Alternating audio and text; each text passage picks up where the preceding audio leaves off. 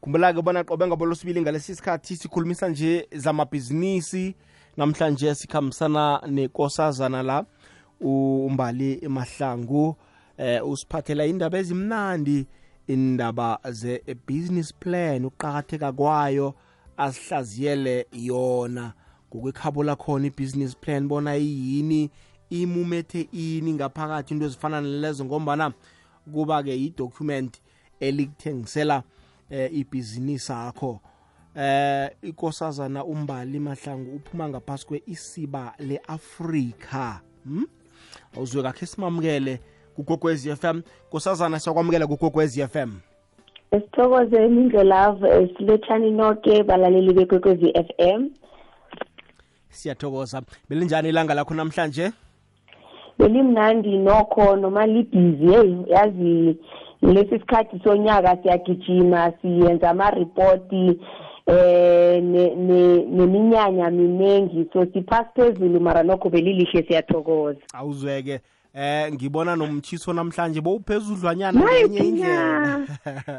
Mayithina bekuchisayo wuwi! Awuzweke. Hayi kosazana la namhlanje sithi yakhe sitshetshe nje indaba uh, ze-business plan. Kungamanye nje wamadokhumenti aqakatheke khulu. Eh athengisa i-business idea yomuntu angakatshejeki sikhuluma ngani nje nasikhuluma mhlambe nge-business idea. Sithome lapho. Iya. Eh angithome ngokuthokoza mindlelavi i-opportunity leyo ukuthi ngingene eh ngizokhuluma kukwezi FM nge-business plan. I-topic engiyithanda kakhulu and ngiyathemba ukuthi abalaleli bekwekwezi FM baphethe i-ball pen nephepha bazokuthatha ama-notes. Before si-describe ukuthi i-business plan yini eh bengibawukhuluma ngokuthi eh ke sikhulume kancane ngama-business idea. Ukuthi umuntu uzenja uzenjani abe ne-business idea nokuthi mhlambe ngabe uthanda ihwebo uthanda ufuna ukuzibona ungusomabhizinisi nomabhizinisi maybe awazi ukuthi wenzeni. Unga ungafikela njani ukuthi ube ne-business idea? Singathoma lapho mindlo lapho iye singathoma. Alright so nengabe ufuna ukuba ne-business idea eh koste uzibuze eh imbuzo nasi eh eh A4 uzibuze kokuthoma ukuthi wena kuhle kuhle uthandani ehlizweni nakho yini into ethi noyicabangako ehlizweni nakho kube ngathi kuyachisa kuba nedumo ne-excitement. So umbuzo wokuthoma lo ukuthi wena uthandani and yini into ekujabulisako and into oyicabanga um ngamalanga? Then umbuzo wesi-two ongazibuza wona ukuthi yini into ofrom kakade ekade wena uyenza kuhle? Abanye bavele bakwazi ukucula from babancane eh abanye bakwazi ukubhala abanye bahlakaniphile encwadini eh sine sine sinezinto sizazi ukuzenza ngokuhlukahlukana. So ungazibuza umbuzo kuyithi ukuthi yini wena into soloko wavelako eh uvele ukwazi ukuyenza and uyenza kuhle. Umbuzo wesithathu ungabuza and umbuzo lo ngobaluleke ukudlula izinto eh embuzo leyo yonke ukuthi la uhlala khona or la eSouth Africa or la emhlabeni yini ikinga oyibonako? Wena obona ukuthi ungayi ungayisolva or ungayichugulula kwabona?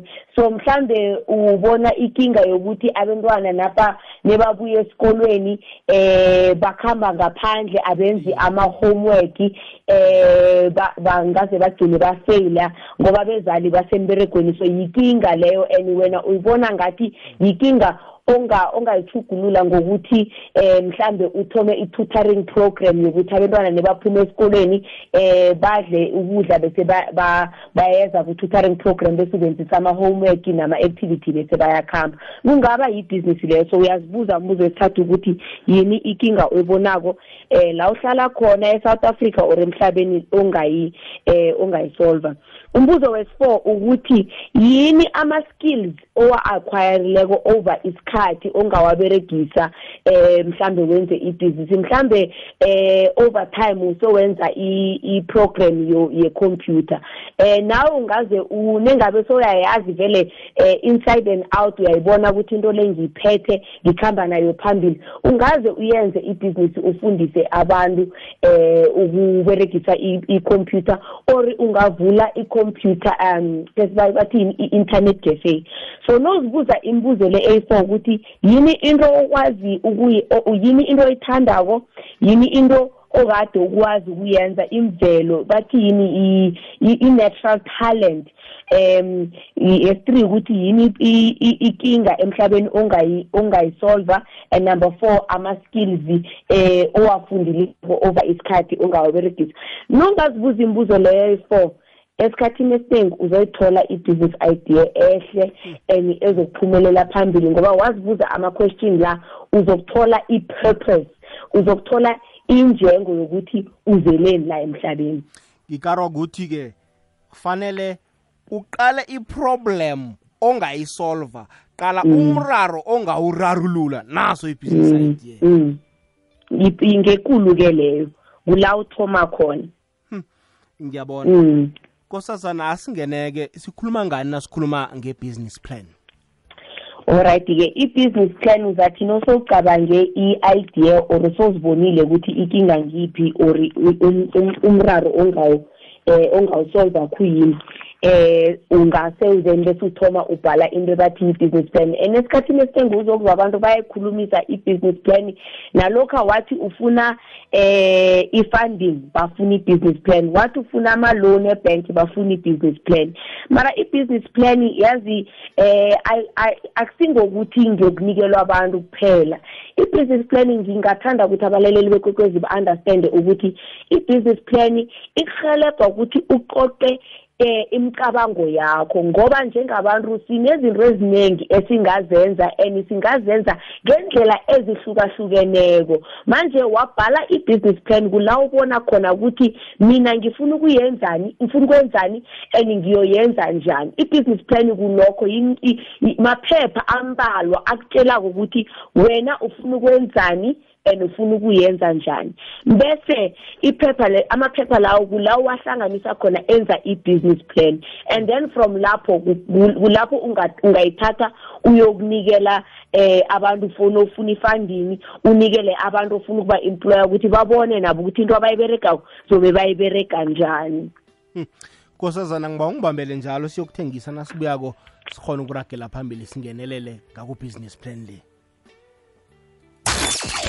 uJD noLady B nabahlangeneko Madiski Divas bafika kuwe ngomgqibelo ngesimbi yesithathu bazithezile zemidlalo. Ingoma ezimnani namaxoxo azokuthabisa. Zitheziwe namadiski divas kukwekwezi fm kukhanya ba. Le igogwezi fm kukhanya ba 2011 lihlelo limnandi la sithi khona vuka uzitshathe la sikhuluma khona njengamabhizinisi la sikuhlomisa khona mlaleli gokwezi FM khumbula-ke bona amahlelo wethu wonke angenako ngomvulo bekube ngulosini half past 10 ayatholakala kuwebsayithi yethu njengama-podcast ngelanga elilandela kokufana nalo leli kusasa okusako uzolithola ku-podcast eh ku-www ikwekwezi fm co za ukuhambe uye lapha phasi ku-icon ebhale podcast ufike uthi sizigedlile uthole nje kamnandi ukhona ukuzilalelela ngokwekhabo lakhona. Khambisana la nekosazana umbali mahlangu usitshejele indaba ye-business plan. Eh namahlangu ngikuzwile ukukhulumisa indaba ye-business plan ukuthi i-document eliqakatheke khulu elikhona ukukhulumisa umbono wakho elikhona ukuthi likuthengise.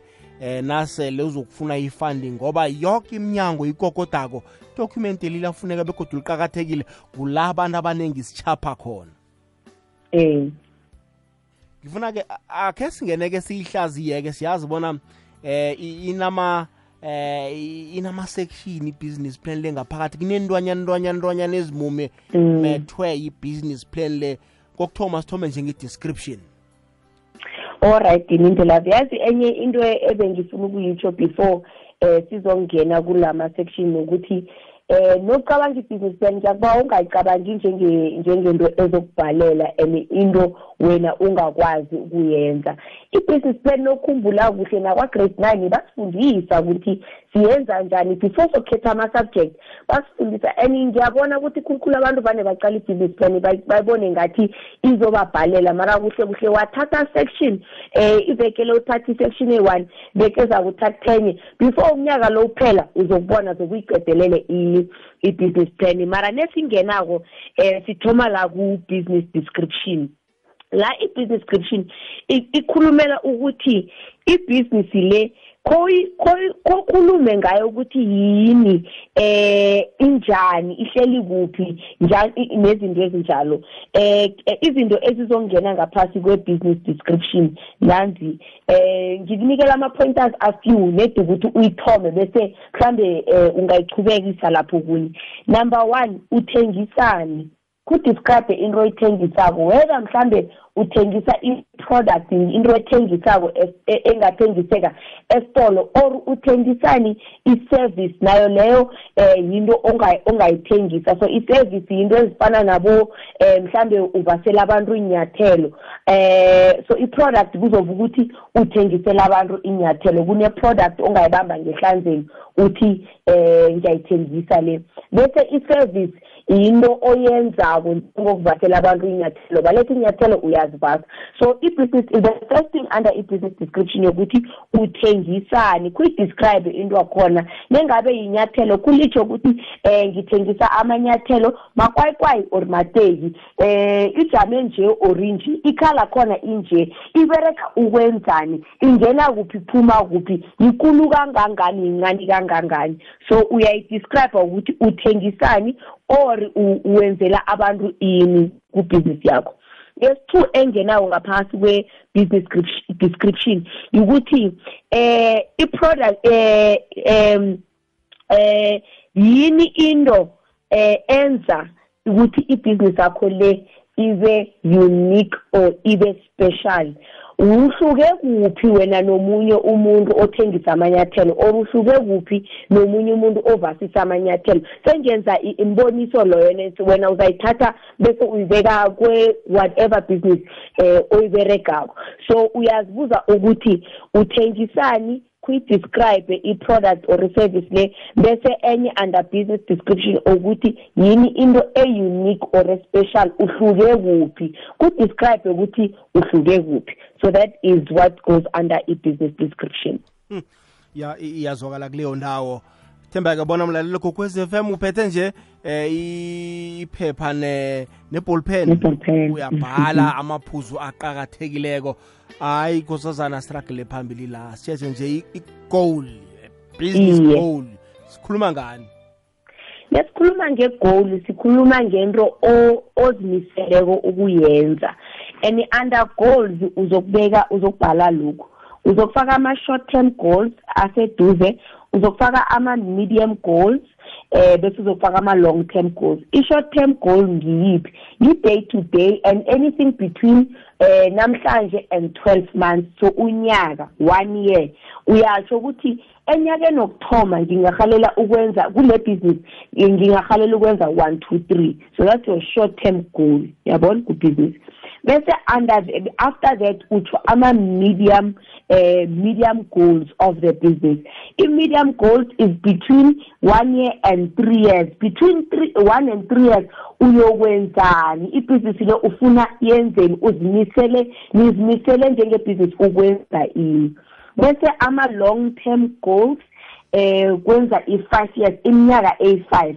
Ukuthi between eh three years and this five years ibhizinisi izimisele ngani. Under i-business goals uzo- uzo- uzokubhala nokuthi i-vision yebhizinisi yini and i-mission yebhizinisi yini. Khe ngidisc- khe ngikutshele kancane ukuthi i-vision yini? I-vision umbono. Kwabona newubhudangako ubona into ikude mara uyayibona ukuthi nasa into injani i- ihleli njani. So na naku-vision uzokudescribe ukuthi the long term picture or i- into oyibonako ngebhizinisi lokuthi iyogcina iyini is what you describe nokhuluma nge-vision. Bese i-mission statement ikhuluma ngokuthi wenzani. So ku-isiba le-africa i-mission statement yethu ukuthi sihelebha abantu ukuthi bathoma amabhizinisi ukuthi bachugulule uphilo babo bachugulule nophilo womphakathi wabo baze kuze bachugulule ne-afrika. Yinto esiyenzako leyo. So i-vision ukuthi sifuna ukuthugulula i-afrika yonke sihelebha abantu bathoma amabhizinisi balisa ukuhlaga babe nemali engenako nemali ephumako bakhona ukuthenga ukudla basabantwana esikolweni. Um kube inkinga zegezi ziphele. Um indlela zibe khona so into engiyibonako leyo in the future far ahead i-picture engiyibonako. So that's the vision of isiba le-africa bese i-mission statement ye-isiba le-africa ukuthi sihelebha abantu ukuthoma amabhizinisi wenzani uyabona iya iyadescribeka lapho ukuthi eh, i-mission statement yini. So under goals uzokuthi short term goals 12 months. Medium goals 3 years. Long term goals 5 years. Vision ubonani mission wenzani. Leyo under i-goals ya iyazwakala uveza amaphuzu aqakathekileko la. Eh abetha abantu abaningi umbono. Unkarana oyihlathulula kuhle na uthi into oyibhudangako nawe oyibonela Mm. kude kodwana uyafisa ukuthi ngelinye lamalanga ufike kiyo ivision yakho. Imission Mm. yokufika njani ebhudangweni lakhwelo uzokwenzani uzokuthatha maphi amagadango iyazwakala ngisoli nkosazana njengenzena-ke ibali ichumi nemzembili-ke ngaphambi kobana kubethe isimbi yechumi nanye le ikwekwezi FM kukhanya ba lihlelo limnandi la sithi khona vuka uzitshathe sikhulumisa indaba la ye-business plan. Hayi mlaleli nawe angeze sakuvalela ngaphandle sekuthi nje sifuna ukukusebenzela kuhle idocument leli le-business plan. U- nawe ibhizinisi akhe khona ukuthengiseka ukuthola i-funding. Nkosazana khe siqaleke indaba eh, ama-details of the owner. Mm. Alright so le isimple ikhuluma ngokuthi eh the ownership type ukuthi into ibusiness le iregister njani? Is it a private company? Ukuthi iowner ma director ambalwa or is it a non-profit organization?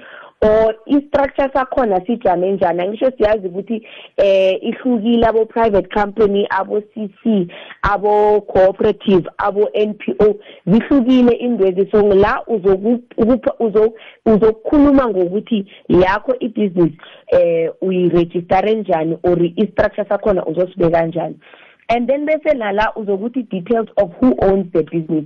La kula khona uzokhuluma i-CV ye-owner umuntu ophetheko ukuthi ubuyaphi ujamephi ufuna ukuyaphi and wazi ukwenzani angaberega njani. Eh la ngiba ukuthi uzimisele ukuthi umuntu abone ukuthi ibhizinisi le ihwebe liphethwe umuntu onama-skills and ama-skills la akhambelana njani nebhizinisi isimple ke leyo i- ikhuluma nge-type of ownership beyikhuluma nge-CV yomuntu ophethe ibhizinisi I- iyazwakala. Ngifuna khe siyokuthengisa nasibuyako sizokuragela phambili ngebusiness plan yethu. Awuzweke. Le ikwekwezi FM kukhanya ba. Vuka ngemvuselelo nomvumo okuphakamisako ngosondo ngeyekhomba. Avulekile masango ujd uza nesifundo sabantwana. Ikonzo yekuseni. Namezwi wesibusiso wavela elizwini lenkosi. Vuseleleka namezwi wekuthaso uthandi mamakhe mahlangu ukulethela ikonzo. Ivangeli nomvumo usekhaya. Lihlelo nginomelusi ngesimbi yethoba ekuseni ngeyechumi umfundisi umadzela akwakhe nakathi sikhathi sokwazi iqiniso. Ikwekwecfm kukhanya ba. Nambalale ikwekwezi FM kukhanya ba 10 to 11 thomisa-ke mlaleli ulungise nje imibuzo wakho ku-086 3003278 iline lethi ozokungena bunqopha ngalo. Ngifuna ukukunikela i-whatsapp number yomhatsho ikwekwezi FM khone nawe ukurekhoda i-voice note ngokukhabola khona. Ikhone ukuzwakala eh 079 413 2172 079 413 kosazana la siyikhulumile indaba ye eh, ye-ownership. Nje akhe sikhulume ngenye ethwenya abantu abaningi la ingakatshetsheki iqakatheke khulu production plan. Yazi la ungacabanga ukuthi angeke uyihone mara ngiyakutshela mlaleli kokwezi f m ukuthi ayinto ayikho into engakubhalela i-production plan. Ayikhulumi ngokuningi ikhuluma ngokuthi uyokuthoma kuphi and uyoyiraga njani and uyoyiraga nini uyoyiraga iyaphi. So ikhuluma ngeplan ethi start to finish. La uzokhuluma ngokuthi nengabe uthengisa amanyathelo uzokubhala ijeni yokuthi amanyathelo la uzowathengisa njani. Uzokusho uzothi ngizokhwela ibhesi yaka-four. Ngifike epitori nengifike epitori ngingene emarabastad ngiye esitolo eso naso ngithenge amateki aso naso qeda lana ngikhwela ibhesi ngibuyela ekhaya la ngihlala khona bese ngiyokuvula isitolo esijame so ku-address eso naso bese ngiyokubeka amateki lawo eh ngiwaprice eh kule price e-, ejame ejame njani bese eh abantu bazongena bayathenga. Sho ukuthi uyangizwa ngiyenze yaba simple khulu ukuthi iplan from start to finish uyoyikhambisa njani yokuthi uyokuthomaphi igcinile kuphi kuze i-client umuntu othengako ayithole into oyithengisako. Njengabe uvasa amanyathelo uyatsho uthi ngiyongena esitolo ngiyokuthenga i-handy endi ngithenge ibrush ngithenge isikotlelo bese ngiyokuvulela amanzi. Ekhaya pha ngiyokujama egeyidini bese banginikela amateki ngiyawavasa amateki lawo ngiyawaneka bese after two or three days ngiyabafakela eplastikini ngiyabanikela i-describe ukuthi i-production from ukuze unikele umuntu i-product or i-service leyo ikhamba njani uyayidescribe uyayizwisisa um indlela la. Kukhuluma nokuthi uya uya la la uyokwenzela ibhizinisi khona uya uyayithenga istandeso or uyarentisa esitolo emall nengabe uyokurentisa esitolo emall isitolo sakho siyobe sinjani. La uya ispace la ungabeka khona ukuthi eh isitolo sakho zobe sijame njani umnyango uzobe kuphi ifestere zobe likuphi amateki la uyowabeka phi eh bese i-cash point izoba ikuphi? La ungadescribe khona izinto ezifana nalezo. Nokuthi kuyokuthengisa abantu abayingaki ngesitolo um zobe bambetheni um amakhala athini izinto ezinjalo. So kula udescribe khona ukuthi i-business from start to finish and engithi start to finish ngitsho ukuthi from ekuthomeni ukuze i-client ithole i-product or service izokuhamba njani. Hayi mina ngikuzwile. Sikhethu asitolokho abakwethu. Wazi wayibeka wabeka nembonelo ezilula umuntu azwisisako. Hmm, mm. iyazwakala kuleyo ndawo. Management plan yona kungena ini ngaphasi kwayo? La ku-management plan kulaba nebakhulume ngama-organogram angisho njengomphathi webhizinisi wena ujame phezulu uyi-director or uyi nelse unabanye ama-director ungaba yi-ceo bathi chief executive officer or uyi-managing director ujame lapha phezulu. Bese uyatsho ngaphasi kwalokho ukuthi ngubani ozobe ummanager umuntu loyo ozobe aphethe ini and why iposition leyo uyi-creator so la ukhuluma ngokuthi uzokuhayara ubani ama-qualification cost abenjani i-business um i-job description lena zobe aberega ini zobe ayiberega njani uyombhadela malini ama-schedule wakhona zobe akuhamba njani. I-business plan kuhle kuhle um balaleli bekokwezi iyadescribe nje ukuthi into le iyokuberega njani. So uyatsho lapho ungabhala ukuthi um ngiyokayara uzibanibani ngimfuna ukuthi abe ne-alethe i-cv na la alethe lana lana. I-cv lakhona ngifuna ukuthi kube une-degree na uyokubereka abe yi-h r um uyokuberegela ofisini sona lombhadela sona. So uyadescribe ukuthi ngubani ozobe aphethe kuphi and izobe aberega ini and kuze iseva njani i-purpose yokuthi ibhizinisi ikhule. Into le lapho ungabeka nama-schedule ukuthi omunye ongena ngo-five aphume ngo-nine omunye angene ngo-nine aphume izinto ezinjalo. Bese ungazibeka u-organogram ukuthi lo uphethe lo bese lo uripotela lo bese lo umanager lo nalo bese lo ubereka lo le i-organogram nayibona isagrafu so ukuthi ithoma kuphi iyehlela kuphi. Hayi iyazwakala ifuna irula i-straight. Four minutes to 11 le igogwezi FM kukhanya ba khambisana nekosazana umbali mahlangu siba le-afrika kulavela khona sitshetshe indaba ye-business plan namhlanje. Akhe sikhulumise-ke eh, eh, eh, elinye iphathi eliqakatheke kulu zokukhangisa. Ye ibhizinisi ayikho ngaphandle kokukhangisa. Ungaba nayo ibhizinisi akho kodwana nayingaziwe ebantwini usadlalile. Marketing Iyawa. plan uqinisile khuluma indlelavu lapho vele yazi i-business coach or i-business mentor yami yathini yathi mengabe eh uthengisa amanyathelo kosi uzazi macanzi ukuthi before uthengisa amanyathelo uyimarketer umuntu o-advert- o-advertisayo bese uthengisa amanyathelo. So akunandaba ukuthi ibhizinisi yakho yini kosi uzazi macanzi ukuthi eh uyimarketer and you're an advertiser. That i- le ibaluleke ukudlula ku- ukudlula zonke izinto amabhizinisi ayathoma afeyile ngoba basho aban- abantu abanama-client. And into le i-wrong khulu ngoba mawuthoma ibhizinisi uthomela ama-client mara wangabatsheli lana ukuthi yeyi sengivulile ibhizinisi ngenani eh and wabakhumbuza godi nagodi angeke beze ibhizinisi besiyafadalala so ku-marketing plan eh uya uyabhala ukuthi abantu uyobabiza njani? Abantu bokufikela njani esitolo sakho? Abantu bokufikela bokwazi njani ukuthi wena uhelebha abantu ukuthoma amabhizinisi wena une-internet cafe wena uthengisa amanyathelo? Bo- boyokwazi njani? Kodwa ubuze ukuthi la uyabhala ukuthi uyokuthengisela kuphi or uyokuberegela kuphi? Uyoyi-charger malini? Uprice kosti utsho ukuthi uyiprayisa njani? Bese uyadescribe i-product and service again bese uyadescribe ukuthi uyobatshela ku-facebook uyobatshela ku-instagram uyobatshela ku-twitter uyokwenza ama-poster ubathumele ku-whatsapp uyokwenza ama-poster bese dalane uyawaprintisa bese niyakuhamba ningena door to door. And into kose niyazi khulukhulu la ukuthi eh iclient lokuthoma libiza iclient lesi-2 lesi-2 libize lesi-3 lesi-3 libize lesi-10 so every umuntu nomuntu ongena ebhizinisini akho mdele umuphathe njengekosi njengengwenyama uyitotose and uyiphakamise bese uzokubona abantu bazogcina bathengisa on your behalf. Ngibona ngosesilo ongihelebha ngokwenza amazipho ami.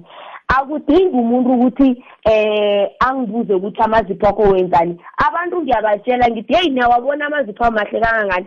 Ngiwenze kuseso so naso naso kwakhe kuso naso naso Bamkhangisele. and nasi nenamba yakhe so Mm. kosiwazi ukuthi eh i-client uyiphatha njani and uyiphathe kuhle wazi ukuthi every single client eh izo izokubizela amanye ama-client so la uzokudescribe ukuthi uyobabiza njani abantu.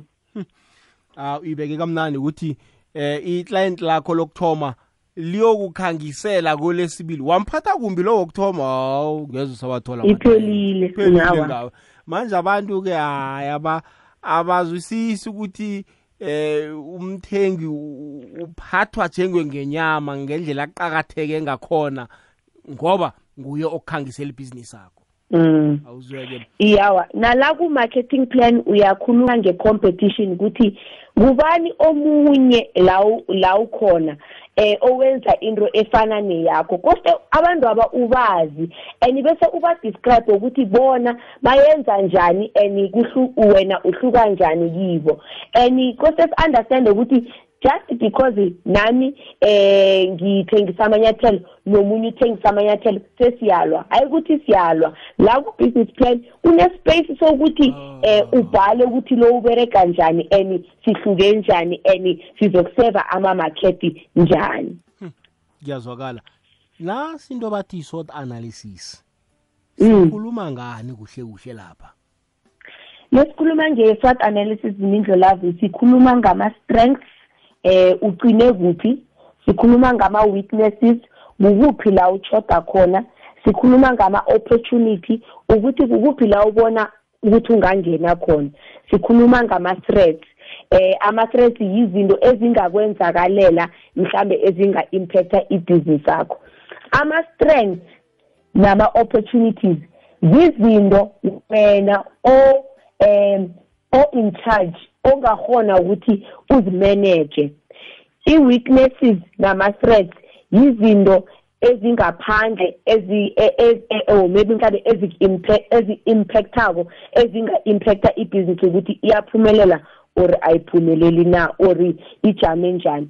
So uyabhala under SWOT analysis ukuthi wena ibhizinisi le iqine kuphi yini into ezokwenza ibhizinisi le ukuthi iphumelele. Ama-weaknesses and ungasabi ukubhala ama-weaknesses ukuthi eh i-weakness kungaba ukuthi asivuli every day ngoba wabhala ama-weaknesses or la uchoda khona kula uzokubona khona ukuthi ungalungisa njani. Bese ama-opportunity ama-opportunity uzokutsho ukuthi eh ama-opportunity enginawo ngila nala nala la ngibona ukuthi ngingangena khona ngingakhuluma nalo anginikele lokhu bese ibhizinisi iyachubeka ngingaya lapha ngithengise so lapho bazongibona ubhedere eh so ama-opportunities ngilawo. Ama-threats yizinto ozifana nabo-covid. So yakhumbula kwavela i-covid kwakose sivale iminyango yamabhizinisi ethu. So under ama-threats ukhuluma ngokuthi ngizini ngeziphi izinto ezinga-impacta ibhizinisi yakho like ama-threat ungabhala i-load shedding i-load shedding is a threat and ungasabi ukuyibhala ngoba wayibhala as i-threat uzokhona ukwazi ukuthi ungayitshentsha njani. Iya iyazwakala uyihlathulule kuhle khulu kwamambala. Akhe sicaleke zemali financial mm. details. Yawa i-financials isimpuli eh lana uyakhuluma ukuthi ubona ukuthi imali izongena eh kuphi and izongena kangangani? Eh ama sales zobe angangani? Bese wenza wenza isa isa income statement. Bese uyasho ukuthi and bese ezokuphuma izokuphuma iyapi and izobe kuyimalini? Lapha ku-excel ungasho e, e, lapha phezulu ungasho ukuthi income is uh, ukuthengisa amanyathelo. So that's one way. Another income mhlambe ubhizinisi eyi-one uzothi sibasa amanyathelo. So that's another income. Bese ngaphasi ubhala ama-expenses ukuthi eh ibhizinisi lekuze irane ngiyiphi imali ekosti iphuma? Ngisho iyangena iyaphuma.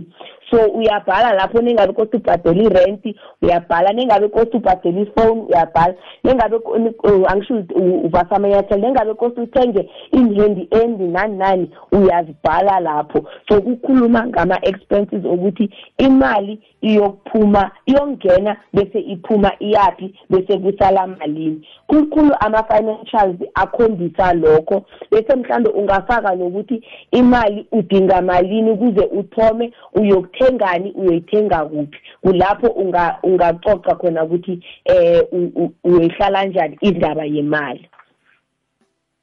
Ya iqakathekile indaba yama yemali. Umuntu aziqaqise eh isikhathi sesekhona ku business plan yakhe. Asizameke ukuyivala ke kosazana la? Eh sikhulume ngesiphetho i-conclusion. Ye-document lethu le-business plan kufaka ini njani? Kufanele ibe njani ezifana nalezo?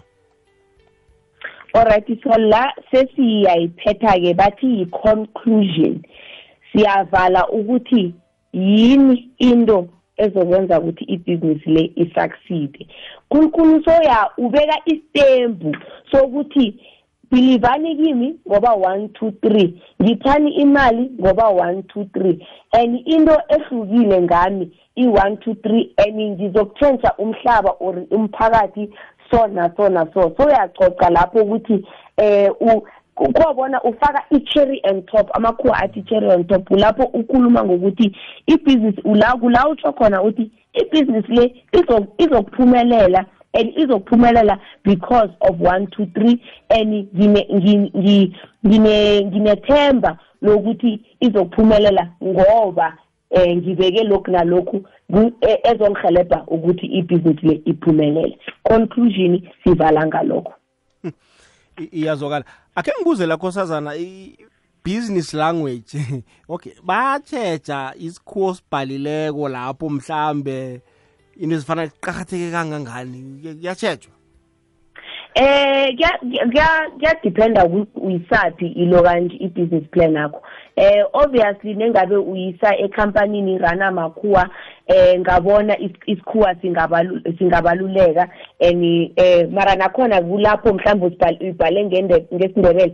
Bangayithatha sebayitranslate phela amalanganyana la kuyatranslate mara khulukhulu eh zama ukuyibhala eh uyibhale kuhle umake sure ukuthi eh kunama capital letter. Yabona musibasifundisa ukuthi sibhale njani nokuthi ama sentence akhamba njani kunama full stop bese uyayibeka kuhle. Mara khulukhulu ngifuna ukuthi wazi ukuthi nalokho asoyithomile ungaze uyinikele umuntu ofana nami uthi nkosazana kungilungisele isikhuwa ceda lana ngiyakulungisela bese uyayithumela. Mara nengabe sowuyithomile awa ukuyithoma uzobe sow- sowuphumelele khulu. So unga- ungawa- unga-stress khulu ngendaba esikhuwa iye sona sibalulekile nama-business terms and language zibalulekile mara khulukhulu wazi ukuthi uzoyikhona ngoba naku sengikuhladlulele ukuthi kosi ubhale ini njani? Wabhala lokho hawa lapho uyakuhamba uyakude hayi nkosazana mani ku- kuzwakele.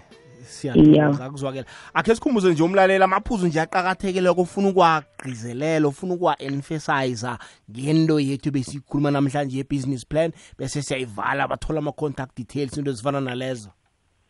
Alright eh mindlela ngithokoza kakhulu bekumnandi ukukhuluma nge-business plan. Eh the first thing mlaleli gokwezi FM ngiba ukuyisho ukuthi ayi ayikho into ekudlulako. Eh siyathanda ukuthi owaye ukuthi siyathanda ngithi umhlaba usi- usifaka ema-challenging amaningi size siphelelwe yi-confidence sizibone ngathi angeke sikhone into engikutshelako namhlanje and ngiba ungilalele njengekosazana yamandebele ukuthi ayikho into engakubhalela mlaleli wekwekwezi f m. Wabeka ingqondo yakho wazitshela ukuthi into le ngiyayenza uzoyenza.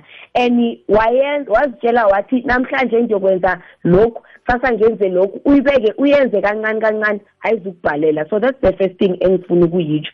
The second thing eh kosto uyazi ukuthi i-business plan i- kuba necover la utsho khona igama eh le-business bese udescribe i-business ukuthi uthengisani uthengisa njani. Bese utsho ama-goals ukuthi in one year in three years in five years uzobe nenzani. Bese uthi details of the of the ownership ukuthi i-structure sinjani and eh i-ownwa ngubani. Production plan uyokuthenga phi uthengise kuphi bokuthenga njani. Eh management plan uyokuhayara bani aberege njani eh bese marketing plan uyobabiza njani abantu. SWOT analysis ikhuluma ngokuthi ugcine kuphi ngukuphi la uchoda khona ngukuphi la ungangena khona ama-opportunities yini izinto ezingaba ama-threats ezinga-impacta ibhizinisi bese ukhuluma ngokuthi imali uyongena njani bese iyokuphuma iberege njani kusale malini bese uyayivala uyabona mara ukuthi into le iyahonakala then after that ungayithatha uyinikele abantu abafana nami or nabanye ebenza amabhizinisi afana nethu neyami bese uyalo baya-editha bese after that bese uyithathe incwadi le ungahlali nayo nosoyicedileko Ikhambi- ikhambise uyise kwamasipala ubabuze ukuthi yini ama-opportunity la bangakufaka khona? Ukhambe uyise ku-n y c a national youth development agency. Ukhambe uyise ku-sida ukhambe uyise ku-sifa ukhambe uyise ku-d t i ukhambe uyise nakuba ku- kuma-businessmen and businesswomen abaphumeleleko. Nami ngithole eh i-funding ngingasikade because ngizibuzile ukuthi ngubani eh ongubhudi nosesi ophumeleleko lana emphakathini engingaya kuye ngimnikele i-business plan ngithi hey ngifuna ukwenza into eso kungihelebhe so ungayisa nalapho. So naseyiqedile ukuyenza ithathe uyinikele abantu ungahlali phezu kwayo. Iyazwakala nkosazana sesiyivala la nisiba le-afrika nibasiza ngani abantu njengesiba le-afrika sihelebha abantu ukuthoma amabhizinisi sibahelebha ngokwenza ama-registration eh abo-c i p c ukuvula ama-bank account ukwenza abo ukwenza abo-c s d izinto ezifana nalekho so i-compliance bese sihelebha nokwenza um ukudizayinela abantu um i-business branding. So abo-logo abo-business cards abo-email signature sihelebha abantu ngokwenza ama-website sihelebha abantu ngokwenza ama-business plan bese sihelebha abantu nokuthi siphushe ibhizinisi so sikubamba ngehlanza sikhambe nawe sithi okay ngena la phume la ufake lokhu ungafaki lokhu iya la wenze so sibe- si- siberega lokho um mindlelafa siyathokoza. Nitholakala kuphi ngitholakala ku-whatsapp ukhulukhulu ngikhuluma kamnandi lapho ngoba abantu um bangangithumela nama-voice note sikhona ukuvisisana kuhle. Inamba ithi zero seven nine three two three three three zero one. Ngiyayiphinda zero seven nine three two three three three zero one. Nalaba bangasi ku-whatsapp bangangifonela or singakhuluma nango-s m s. eh ngiba ukuthi inamba lesiyiberegisele izinto ezina- ezikhambelana nebhizinisi kuphela. Eh bese naku-email ngiyatholakala ku-hello h e l l o at isiba le-africa i s i b a l e africa a f r i c a dot com hello at isibaleafrica.com com or kuwebsite www.isibaleafrica.com nakufacebook ngikhona naku-instagram ngikhona nakutwitter ngikhona under isibale africa hayi nkosazana sithokozile namhlanje ukuba nawe nehlathululo sinikele yona namhlanje. Ngiyakuthembisa umlaleli kokwezi m uzakwenza ilandelela la achiyeke khona. Thokoza mina mindlelabo sithokozile eh ngu ikosazana laba kwethu umntwana welanga elacimako eh ingwenyama umayitsha wesithathu kosazana umbali mahlangu. Sithokozileke inomboro zakho uzazisebenzisa ngokufaneleko eh ngenkhathi izomsebenzi siyathemba ke bona uzuze lutho lukhulu namhlanje mlaleli kokwezi FM vuka uzitshathe qobe ngabolosibili uyalithola leli ihlelo lakho kwekwezi FM sithi kukhanya ba.